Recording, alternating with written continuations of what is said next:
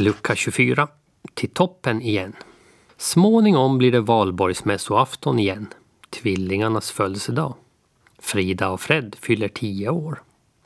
De ska ha springtävling upp i fyren och nu har de kommit överens om reglerna. De vet precis vad som gäller. De ska till balkongen. Det är målet. Inte ända upp i lyktan. Nu går starten. Det rusar iväg uppåt, trängs i den branta spiraltrappan. 88, 89, 90, 91. Det trampar och flåsar och nästan skriker av iver när det räknat steg för steg.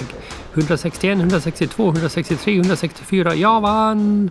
Fred hoppar av glädje. Just efter kommer Frida. Nej, jag vann, påstår hon. Va?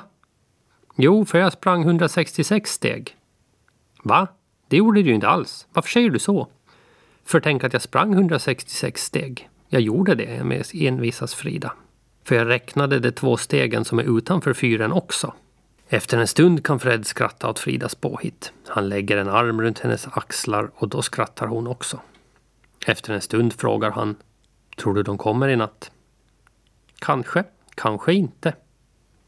I fjol kom de den här natten. Fåglarna. Fyren på Sälskär fortsätter blinka.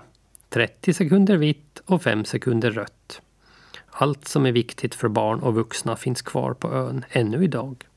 Havet finns där och alla olika vågor och vinden som kan vara snäll och mjuk eller isande och rasande.